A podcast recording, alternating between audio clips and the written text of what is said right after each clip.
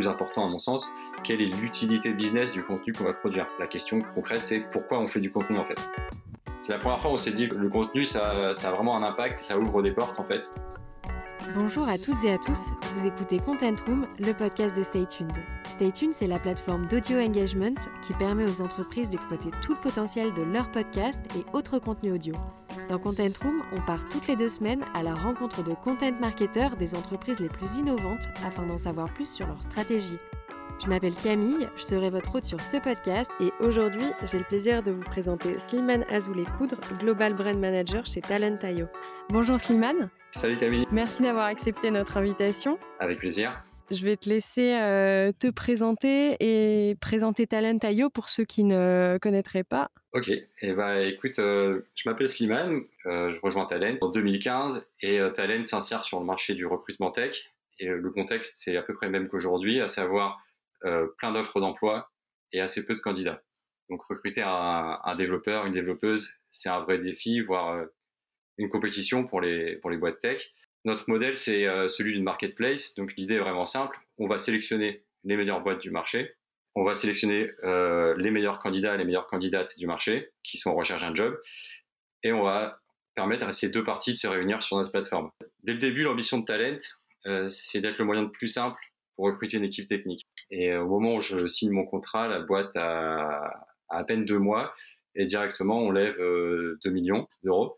Je suis passé par trois grandes phases en fait. La première, c'est quand j'étais le seul gros marketeur junior de la boîte. Donc là, j'étais focus à 100% sur l'acquisition, principalement de, de profils candidats. Et en fil rouge, j'ai commencé à développer un embryon de marque, donc le strict nécessaire en termes de positionnement, de promesses et de messaging, qui me permettait de créer mes pubs, mes landing pages, etc. Deuxième phase, phase euh, d'expansion verticale. On lance Talent pour les freelances, on lance Talent pour les grands comptes, etc. Et expansion géographique. Donc en l'espace de deux ans, on crée une équipe marketing d'une douzaine de personnes distribuées entre tous nos marchés, donc euh, Paris, Berlin, Londres et Amsterdam.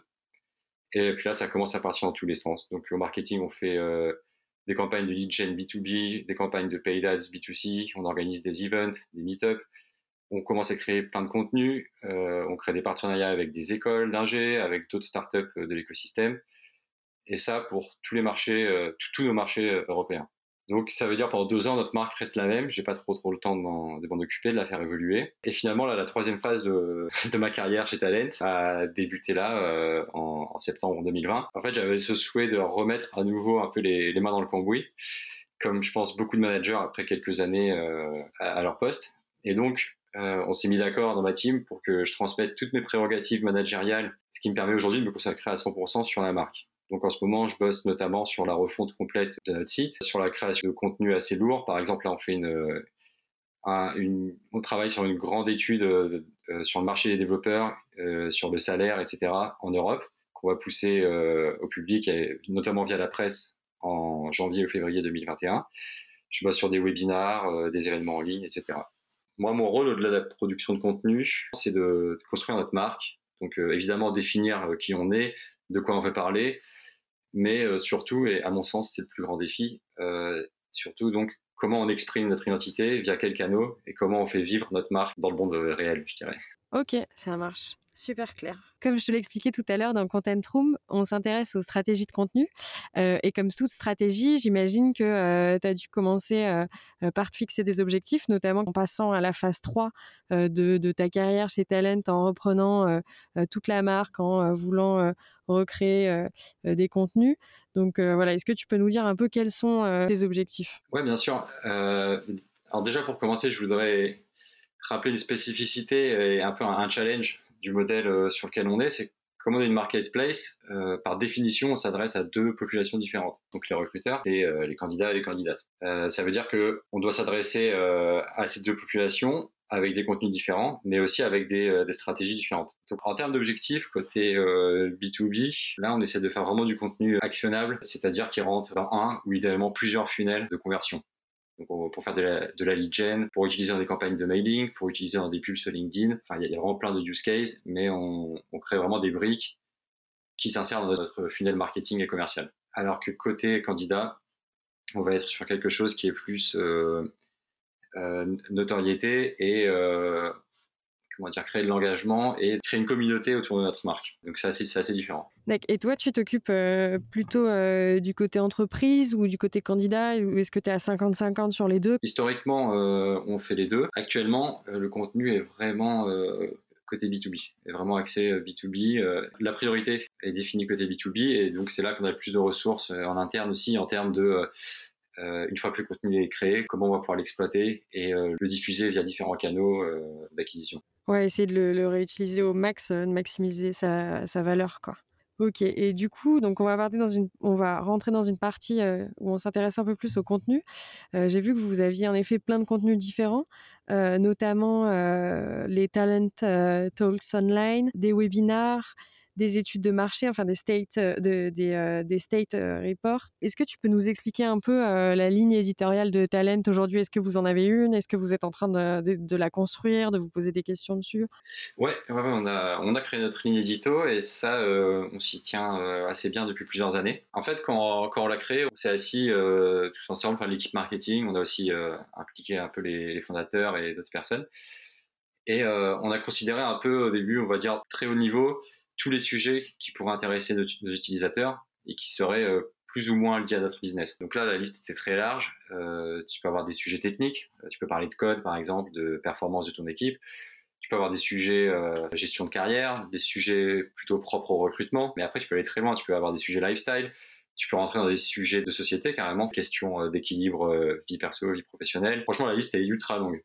Et en fait, euh, c'est ça qui est génial quand tu bosses dans le secteur, euh, dans l'industrie du recrutement, enfin, tu touches à l'emploi en fait, parce que d'un point de vue storytelling, c'est euh, assez unique comme, marché, tout simplement parce que pour beaucoup de gens, assez objectivement, le, travail c'est la vie.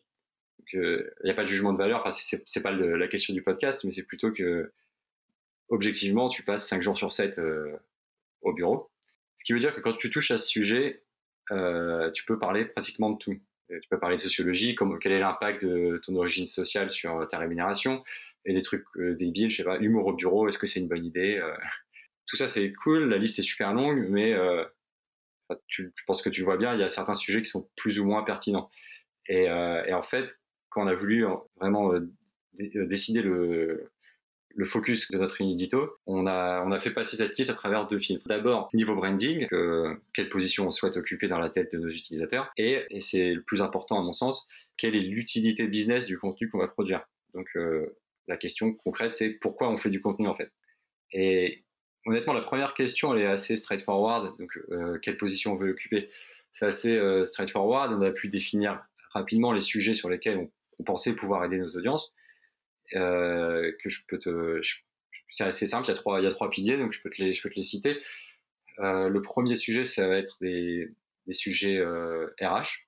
Donc c'est lié vraiment au recrutement et au, enfin, au métier de recruteur. Donc là, on peut euh, partager des méthodes, des informations sur le marché, des, des frameworks de recrutement, vraiment des, des choses très que toute personne liée au, au, RH peut appliquer au jour le jour. On a un deuxième, un deuxième thème qui, concernera plutôt les, candidats et les candidates. Et là, on parle de, sujets liés à la recherche d'emploi, mais au-delà de ça, aussi à la gestion de ta carrière. En tant qu'individu, euh, nous, on veut, pouvoir aider les professionnels du secteur de la tech à trouver le meilleur job et aussi à, se projeter et à gérer au mieux l'évolution de leur carrière dans le temps. Euh, donc euh, là, tu étais junior, tu trouves ton premier job, c'est bien. Euh, dans 3 ans, dans 5 ans, dans 10 ans, qu'est-ce qu'on peut faire pour toi et où, est-ce que tu te projettes? Donc euh, ça, ça, en termes de contenu, ça passe par des infos marchés. Donc euh, par exemple, on fait des rapports sur le salaire, sur quelle position est plus demandée que d'autres. Est-ce que stratégiquement, il faut mieux apprendre telle technologie ou telle technologie en fonction de la, demande des boîtes. Mais ça passe aussi par des contenus plus retour d'expérience. Donc on va solliciter les membres de notre communauté pour partager leur expérience auprès d'autres personnes que ça pourrait intéresser. Et le troisième pilier, en fait, c'est un axe qui s'adresse à une population qui est un peu à l'intersection des deux premières. On va parler aux, euh, leads techniques, aux CTO, euh, à toutes ces personnes en fait qui, d'un côté, ont des profils techniques et, qui gèrent des équipes techniques, mais qui vont être donc amenés à, recruter. Ils sont pas forcément euh, impliqués dès le début, et c'est pour ça que dans les sujets qu'on va aborder pour toucher ces personnes-là, on va regarder un peu plus large que simplement le recrutement. On va, euh, on va aussi euh, parler de, de, sujets qui sont liés à leur poste, à leur position de manager. Donc concrètement, comment onboarder quelqu'un, comment animer une équipe distribuée dans plusieurs pays, comment gérer tes, je ne sais pas, tes, employés qui sont en, full remote, etc., etc. Tous les sujets que j'ai cités, on va on va, les, on va les mettre en regard en fait avec nos trois valeurs de marque. C'est ces valeurs aussi qui nous ont permis de déterminer euh, quel sujet était pertinent et quel sujet ne l'était pas. Prêtement, nous on a envie de se positionner comme euh, des experts. C'est vraiment c'est très important pour nous que le contenu qu'on produit, euh, le contenu qui est sur notre site également, euh, tout ce que les gens voient de nous euh, dégage une impression d'expertise, c'est-à-dire on sait à qui on s'adresse, on connaît le marché du recrutement, le deuxième point, c'est qu'on veut vraiment avoir une, euh, une approche, euh, on va dire consulting pour les recruteurs, soutien slash euh, conseil pour les pour les candidats et les candidates. Toi, en tant que candidate, si tu t'inscrivais sur Talent, tu, sors d'un bootcamp, d'un bootcamp, là, tu as appris, as appris le, Ruby et, tu cherches ton premier job. À ton inscription, on va t'attribuer un, Talent Advocate. Et les Talent Advocate, en fait, c'est ton coach. C'est quelqu'un qui te connaît, qui va passer du temps au téléphone avec toi pour comprendre euh, où tu veux aller et t'aiguiller, t'aider dans tes, dans tes décisions. C'est très appréciable pour, les, pour nos candidats, mais aussi c'est une, vraie, euh, c'est une vraie expression de notre marque. Et le, dernier point, c'est euh, on veut ajouter une composante communautaire. Ça, ça passe par euh, essayer d'impliquer, vraiment essayer d'impliquer les nos utilisateurs. Donc quand on va faire du contenu, on va aller interviewer des CTO ou des recruteurs qui utilisent notre plateforme. Et finalement, tout ça, on, essaye de, aussi régulièrement de faire se rencontrer les gens via des événements physiques euh, quand c'est possible pour euh, ajouter cette, je dirais, cette pièce au puzzle de, notre marque. Ok, ça marche. Super clair. Merci beaucoup pour ces précisions. Votre ligne éditoriale, quand vous créez un contenu, il y a toujours deux filtres. Donc ce premier filtre que tu viens de nous détailler et le deuxième qui est quelle utilité business pour Talent. C'est-à-dire à quoi ça va nous servir, pourquoi est-ce qu'on crée ce contenu. Honnêtement, trouver un bon contenu, c'est pas très compliqué. Je pense qu'à chaque fois qu'on s'applique et que à partir du moment où tu connais ton audience et que tu es, assez, tu mets l'effort, mais tu fais ça bien, tu vas avoir un contenu de qualité, enfin en tout cas de qualité satisfaisante. Les idées, on n'en manque pas. Après, en fait, on teste plutôt des modèles d'exploitation et c'est là-dessus où on, on va se baser sur nos expériences passées des discussions qu'on peut avoir avec euh, d'autres marketeurs j'en sais rien. Et euh, en fait, on construit un peu le, contenu en parallèle du, du, funnel marketing. Si on décide de faire un blog post, euh, derrière, c'est pas la peine de réfléchir euh, trois semaines à comment tu vas l'exploiter. On peut rapidement, en, une réunion, prendre la décision est-ce que le contenu est bien Est-ce qu'on va pouvoir l'exploiter derrière euh, Ok, faisons-le. Par contre, quand tu commences à faire un livre blanc pour lequel tu as mobilisé énormément de ressources et de temps, il faut vraiment en amont, en, parallèle de la création du contenu, euh, commencer à, créer tes, tes fenêtres de conversion. Chez nous, on divise ça. Quoi. Si, moi, là, je, travaille sur un, en ce moment, je travaille sur une, étude sur les, salaires des développeurs euh, et développeuses en Europe. C'est beaucoup de travail, c'est plusieurs semaines de, boulot. Donc ça, c'est mon, c'est mon, euh, j'ai l'ownership là-dessus sur la création du contenu, euh, trouver les infos, euh, mettre ça en forme, bosser avec notre graphiste pour pour faire un, contenu joli. Mais en parallèle, j'ai, on a des personnes, on a des personnes dans la section grosse qui sont déjà en train de réfléchir à comment ils vont l'exploiter. on, sait déjà qu'on va avoir c'est un, un, contenu qu'on va exploiter dans plein de canaux différents parce que tu veux pas te retrouver avec ton contenu qui est prêt et là tu fais bah, qu'est-ce que j'en fais maintenant? Ça fait ça fait trois mois que je bosse dessus j'ai pas encore réfléchi à la stratégie de distribution. Ok super clair. Du coup on va passer à une autre partie euh, de l'épisode où euh, on parle d'un concept qui a cartonné ou d'un contenu euh, différenciant. Et avec toi j'aimerais bien parler de, du state of the European Tech Recruitment Market que vous avez fait à la sortie du Covid c'est bien celui-ci? Est-ce que tu peux nous dire un peu, nous parler un peu de ce concept et comment euh, vous est venue l'idée de ce contenu? Ouais, avec plaisir. Alors, euh, donc le, set of the market, c'est un, un, contenu qu'on a créé au tout début de la pandémie. En fait, concrètement, en mars, du jour au lendemain, tous les indicateurs du marché du recrutement se sont effondrés. Ça veut dire que le marché s'est contracté de 70%. Donc il y avait 70% euh, de moins d'offres d'emploi sur les sur tous les job boards publics euh, et euh, également sur notre plateforme. On a, on a enregistré une grosse baisse de, de la demande. Et cette tendance elle a persisté jusqu'à jusqu'à aujourd'hui là en, en décembre, on est toujours je parle pas de talent, je parle vraiment du marché du recrutement tech. il y a toujours à peu près à peine à peine la moitié par rapport au niveau pré pré pandémie. Et du coup, euh, tous les acteurs du marché, y compris, y compris euh, Talent.io, euh, mais aussi les recruteurs, les candidats, les VCs, les cabinets de recrutement, tout le monde, tout le monde essayait de, de, de, trouver des informations pour comprendre ce qui se passait. tout le monde sait que le marché est en train de là de enregistrer une, grosse baisse, mais c'est, on peut pas chiffrer la baisse. Est-ce que ça va durer Comment ça évolue dans le temps Et en fait, nous, on a saisi cette opportunité pour créer un gros rapport, un truc d'une, un PDF d'une trentaine de pages sur l'état du marché du recrutement tech en Europe, dans lequel on croisait plein de sources différentes, principalement des sources, des sources chiffrées, pour apporter un éclairage sur la, situation de l'offre et de la demande sur le marché du recrutement tech. Donc c'était euh, un contenu assez lourd à créer, parce qu'il a fallu réunir beaucoup beaucoup de data, les traiter et ensuite les mettre en forme d'une manière qui soit intelligible. Mais on savait que ça valait le coup parce que derrière, euh, ça serait un contenu qui pourrait être la base de nombreux funnels euh, marketing. Ça fait écho à ce que je disais tout à l'heure. En fait, on, on a consenti à passer énormément de temps à créer un rapport parce qu'on savait que ce serait un contenu qu'on pourrait vraiment euh, dont l'utilisation serait démultipliée via plein de canaux différents. Oui, du coup, comment t'as. Alors, ça m'intéresse. Comment t'as fait euh, et, qu'est-ce que t'as fait Ou est-ce que t'as des trucs qui sont en cours? Là, c'est terminé euh, parce qu'on l'a exploité à fond pendant euh, jusqu'au mois d'août, je pense. Alors, tout en haut de notre funnel marketing, on l'a exploité vraiment pour, à des fins de, notoriété et pour se positionner en tant qu'expert sur le sujet. Ça rentre dans l'expertise, c'était un de nos trois, c'est une de nos trois valeurs c'était assez simple. On a, on a juste décidé de bosser avec une, une bonne agence de RP euh, européenne. Grâce à leur travail, on a réussi à avoir une trentaine de publications dans une dizaine de pays en Europe. Vraiment des, journaux de premier ordre, comme les, les Échos en France ou euh, un journal dont j'ai oublié le nom, mais qui est l'équivalent du, Monde ou du Figaro aux, Pays-Bas, qui a de marché. Euh, ça se traduit même par des demandes d'interview et ça, c'est vraiment, euh, vraiment super appréciable parce que nous, ça nous a permis d'envoyer notre euh, cofondateur parler dans plusieurs euh, journaux, dans plusieurs pays. Je voulais, je sais pas si je peux faire ça, mais je voulais en profiter pour remercier Nicolas, qui est le head of marketing de Stuart, parce que je l'ai appelé avant de faire ça. Il m'a donné vraiment plein de bons conseils sur le sujet. Je, mentionne ça parce que ça m'a beaucoup aidé, mais c'est un conseil que je voudrais donner à n'importe qui qui fait du marketing. Regardez ce que les autres marques font et ce qu'elles font bien et euh, essayer de contacter les, les, personnes en charge de, du marketing ou de, de, de, ces initiatives-là. Un message via LinkedIn, en général, ça fonctionne et tu peux vraiment apprendre euh, plein de choses très rapidement. Ok, donc si jamais on a des auditeurs ont des questions sur, ton, sur ce state of market, euh, ils pourront te contacter sur LinkedIn. Avec plaisir. cool, je mettrai sur la page de l'épisode ton, ton, ton, LinkedIn. Et du coup, est-ce que tu peux continuer sur ce funnel un peu? Bah, plus bas dans le funnel, on a exploité ce contenu euh, pour faire du, lean nurturing, c'est-à-dire euh, d'un point de vue vraiment euh, concret, tu t'en sers comme d'un prétexte pour engager la conversation avec tes utilisateurs. Donc nous, on a, 30 000 recruteurs inscrits sur notre plateforme. En fait, tu travailles avec ton équipe communication, notamment avec la personne en charge du CRM, et c'est cette personne-là qui peut qui peut faire les, qui peut gérer les campagnes newsletter, etc.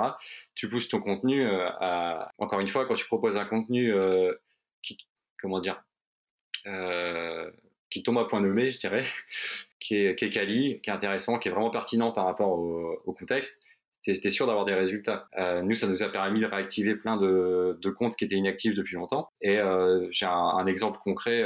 C'est la première fois où on s'est dit, putain, le, contenu, ça, a vraiment un impact et ça ouvre des portes, en fait. Tant ouvrir une conversation, c'est ouvrir une porte. Ça faisait plusieurs années qu'on avait on avait, on avait signé un grand compte, euh, une, boîte du, du, CAC 40. On était juste dans une de leurs, euh, une de leurs branches. Et on avait, c'est très siloté, quoi, les boîtes de cette taille. Et on avait vraiment l'envie de s'aimer dans les autres directions, mais euh, c'était pas si simple. Et là, avec ce, ce contenu, il a suffi qu'une seule personne, euh, une DRH d'une des antennes du groupe, euh, lise le report pour faire accélérer les choses. En fait, derrière, cette personne nous a envoyé un email. Elle avait trouvé le contenu tellement intéressant qu'elle nous a demandé si on pouvait venir le présenter en live euh, chez eux à, une quarantaine de DRH de différentes divisions. Donc évidemment, on a dit euh, OK et on a envoyé encore euh, le même cofondateur pour présenter le contenu, présenter nos solutions, etc. à une quarantaine de, DRH de, la boîte. Et, du coup, pour, moi, ça c'est un bon exemple du pouvoir facilitateur qu'a le contenu. à mon sens, un contenu, ça sert à lancer les conversations, à créer des opportunités et c'est un peu le point de départ d'une relation euh, commerciale ou, ou autre. Et est-ce que ce, ce, contenu, vous l'avez gardé tel quel en livre blanc ou est-ce que vous l'avez décliné en webinar peut-être? On s'en est, est servi ouais, euh, euh, dans des webinars, on s'en est servi. Euh... En fait, ce contenu, ouais, derrière, on l'a découpé. On s'en est servi de, de, certaines, de certaines parties dans, dans, des, dans des webinars, certaines conclusions du rapport, donc vraiment des, des, extraits, quoi, une phrase ou un, un key takeaway on les a transmis aussi aux équipes euh, à SDR.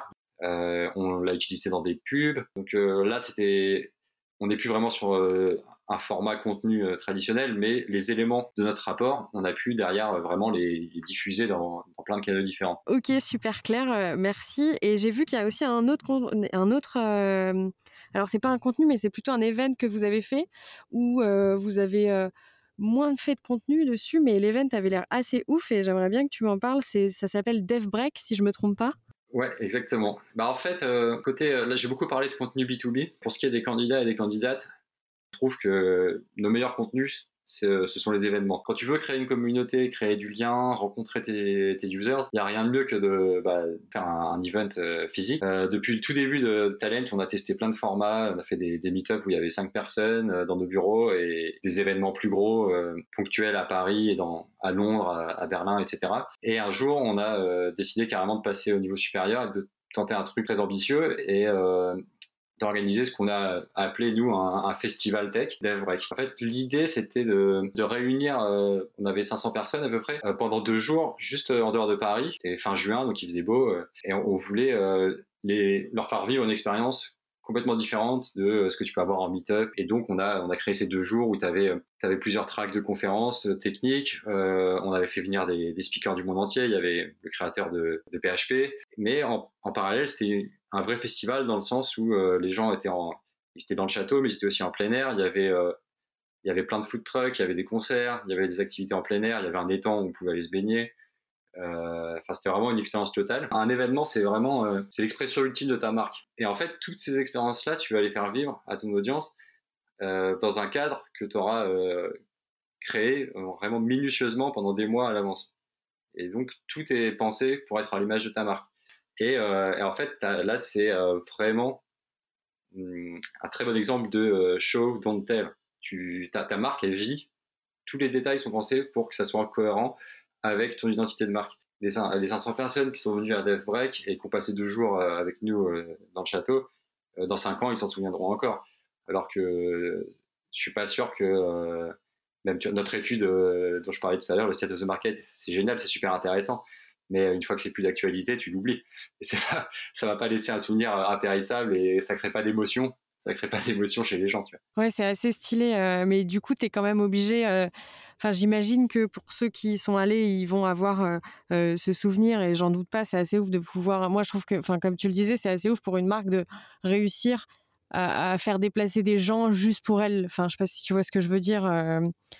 Mais après, pour les du coup, là, vous l'avez parfait cette année à, cause à cause du Covid, mais euh, j'imagine que vous aviez prévu peut-être de réutiliser des vidéos ou de décliner justement des petites choses qui se sont passées en version digitale, non? Ben Nous, on va le refaire dès que, dès que possible. On a, on a toujours on a, on a une date bookée avec un lieu pour juin prochain. Cette fois-ci, on aura vraiment soin de, préparer en amont l'après-événement. Tous les talks, il faut les, capter et, après pouvoir les distribuer euh, via tous les funnels euh, marketing possibles. quand tu as 30 talks de, speakers euh, de niveau, enfin de, classe mondiale, je veux dire, tu as, presque du contenu pour un an derrière. Tu peux vraiment l'exploiter à fond. Mais là, la vraie difficulté, en fait, sur la première édition, c'est que l'équipe, structurellement, n'était pas adaptée pour derrière bien exploiter le, contenu. Il faut vraiment bien structurer ton équipe pour qu'il y, ait des personnes qui créent du contenu, mais aussi des personnes qui, euh, qui derrière l'exploitent dans les funnels marketing. Et je pense qu'avant, une erreur qu'on a, qu'on a pu faire, c'est euh, un peu trop. Euh, il y avait trop d'overlap entre les rôles. Et finalement, quand la deadline s'approche, c'est tu mets un peu de côté le côté exploitation parce que la grosse deadline, c'est il faut que mon event soit prêt le jour J. Tu, vois. tu, tu, mets, tu vas à fond sur créer le contenu, etc. Et tu délaisses l'autre partie. Et c'est c'est dommage et c'est une erreur.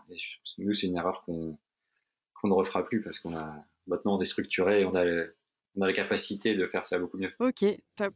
Super intéressant. Là, les deux conseils que je retiens de cette partie, c'est euh, de ne pas hésiter si tu trouves un truc cool d'une autre boîte à aller échanger avec le marketeur et bien structurer ton équipe pour euh, utiliser à fond euh, toutes les capacités et possibilités que tu as avec tes contenus. Et du coup, on va passer à, la dernière partie de cet épisode qui est un peu une prise de hauteur, donc euh, qui s'articule autour de trois questions. La première, c'est où est-ce que tu vois Talent euh, dans les prochaines années?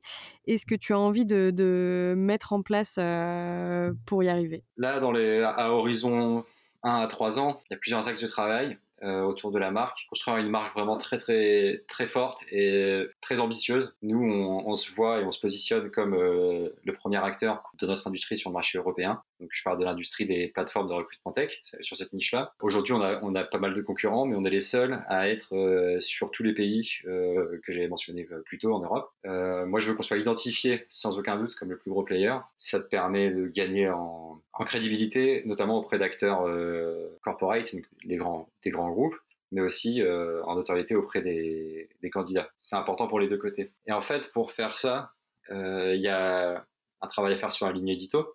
Donc, euh, j'aimerais qu'on commence aussi à aborder des, thèmes qu'on n'a pas abordés jusqu'ici, par exemple des thèmes de société qui vont être, qui sont importants pour pour tout le monde dans notre audience. Donc, j'ai mentionné par exemple l'égalité des chances au travail, promouvoir des initiatives socialement positives, enfin globalement essayer d'avoir un impact plus large sur la société que juste sur notre chiffre d'affaires. Mais euh, ah, c'est vraiment des sujets délicats à traiter. Pas envie qu'on saute sur, le, sur une opportunité de faire du greenwashing et de, dire n'importe quoi. Donc c'est un sujet sur lequel on prend notre temps. Donc ça, ça va être un des chantiers pour l'année prochaine. Euh, comment un peu dépasser le cadre juste euh, business, on va dire, dans notre contenu. Et un, autre défi, c'est l'exécution. Comment on exploite nos contenus à fond. Comment le, contenu devient encore plus une, brique importante de notre stratégie marketing. Aujourd'hui, on a, on a fait beaucoup de progrès. Ça marche bien, et euh, demain, on peut faire 50 euh, fois mieux.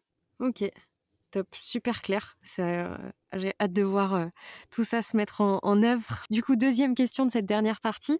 quelles sont tes, inspirations? Est-ce que ça va être d'autres entreprises? Tu parlais tout à l'heure de l'aide off-market de Stuart. Ou est-ce que ce sont, je ne sais pas, des, choses culturelles qui vont t'inspirer alors moi, je vais m'inspirer au niveau vraiment marque, un peu euh, au plus haut niveau de tout ce que je peux voir partout euh, et pas que en B2B. Je trouve que Insta c'est un bon, un bon outil pour ça parce que en fonction des je vois des, pubs qui me parlent derrière, je vais aller creuser sur euh, pourquoi la marque ça peut être pour des marques de fringues ou n'importe quoi, hein, mais tu vois une pub, tu essaies déjà de deviner à travers la petite phrase qu'il y a sous la pub, à travers le, visuel, etc. Pourquoi la marque a décidé que c'était le bon visuel, que c'était la bonne chose à dire à moi. Et si je trouve que c'est intéressant, je vais aller creuser derrière, aller observer la marque. Et donc ça, c'est vraiment de manière un peu empirique et à, l'expérience. Donc c'est un peu, c'est un peu en, en continu, juste euh, ce qui, m'entoure, on va dire. Après, euh, moi, je m'inspire sinon euh, quand il faut, quand il faut être efficace et, et penser business, je vais regarder ce que font les autres boîtes, les boîtes SaaS B2B, qui elles sont en général fortes pour créer. Déjà créer une marque B2B, je pense que c'est un défi euh, parce que créer une marque B2C, c'est un peu plus bon lifestyle, etc. Euh, ça me semble un peu plus simple, quoique, euh, le, le, marché est un peu saturé, mais bon. Ouais, mais je suis d'accord. Enfin, c'est pas plus simple, c'est que tu vas avoir plus d'opportunités de, de, de, prise de parole et de et de, de, création de contenu, je trouve. Entre déjà, tu vas pouvoir rebondir sur toutes les fêtes, la fête des mères, la fête des pères, la Saint-Valentin, Noël et tout. C'est quelque chose quand même que toi ou moi, je nous vois mal faire un truc spécial Saint-Valentin ou spécial euh, fête des mères. Donc je trouve que tu vas avoir, va falloir que tu te crées tes opportunités plus. Euh, exactement, exactement. Et c'est là où certaines boîtes B2B euh, m'inspirent parce que en fait, ils arrivent à créer, elles arrivent à créer leur propre histoire, donc une narrative autour de, bah de je sais pas, du monde qui les entoure. Et dans cette narrative, leur solution, euh, en fait, euh, sauve la, la, terre entière. Et je pense que c'est là le talent un peu de, des bons marketeurs, c'est euh, réussir à, à, créer un enjeu autour de, de, ta marque et du service que tu proposes, alors que bon, euh, c'est pas forcément euh, nous encore, on n'est pas les plus à plaindre parce qu'encore une fois, on parle de, du métier de l'emploi et c'est un sujet quand même. Euh, enfin, tout le monde a une opinion là-dessus. Euh, tout le monde veut parler de son salaire, donc on peut quand même. On a, on a beaucoup de ressorts, euh, plein de tiroirs avec des histoires différentes. Et tu as des exemples de boîtes dont tu parles? En B2B Ouais. Bah, moi, ceux au début, je sais pas pourquoi, mais j'ai voyé il y a 3-4 ans, c'est eux que j'ai commencé à voir vraiment en masse sur euh, mon LinkedIn et à les suivre, c'était euh, Drift. Et euh, eux, je crois qu'ils ont vraiment dû tester tous les formats qu'ils pouvaient, parce que j'ai l'impression que tous les quarters, je voyais un nouveau format. tu avais à un moment, le, je sais pas, le VP marketing qui se filmait sur son téléphone et qui te parlait pour donner des conseils. Après, ils ont fait des webinars, machin, mais je trouve qu'ils sont forts parce que derrière chaque contenu, ils arrivent à créer une marque. En fait, ils, font plein de petites marques. Euh, genre leur webinar a une marque et une partie dédiée sur le site avec euh, une identité propre. en termes opérationnels, je sais pas si c'est peut-être overkill, hein, mais euh, je trouve que c'est stylé ce qu'ils font. Et euh, des fois, je vais sur, je vais regarder leur site et, et, leurs initiatives. Mais après, bon, il y a un million de, enfin, il y a un million de boîtes qui font les choses bien. Quand j'ai pas d'exemple en particulier, truc qui m'a frappé. Parce que encore, encore une fois, euh, le plus important, euh, et c'est ce qu'on voit moins, c'est l'exécution derrière. Ok, ils ont une belle marque, c'est du contenu, mais comment ils l'exploitent Comment ils vont l'exploiter dans leur funnel Et ça, moi, je ne vais pas forcément le voir parce qu'ils vont pas me cibler. Et c'est là où, où est vraiment la clé. Quoi. Yes, en effet. Et dernière question, si demain euh, ton ou ta boss venait de voir en, mode euh, OK Slimane, euh, budget limité, quel contenu tu rêverais de créer pour Talent?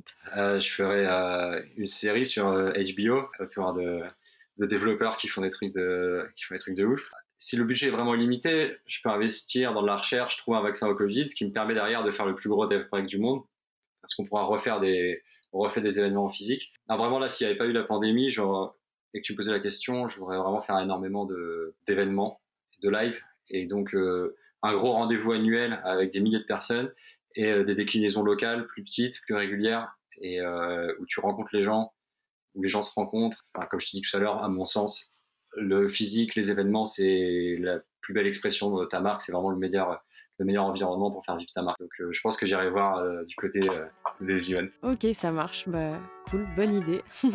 bah, merci beaucoup pour cet épisode. En tout cas, j'étais ravie d'échanger avec toi. Merci à toi, c'était un plaisir. Merci à toutes et à tous d'avoir écouté cet épisode.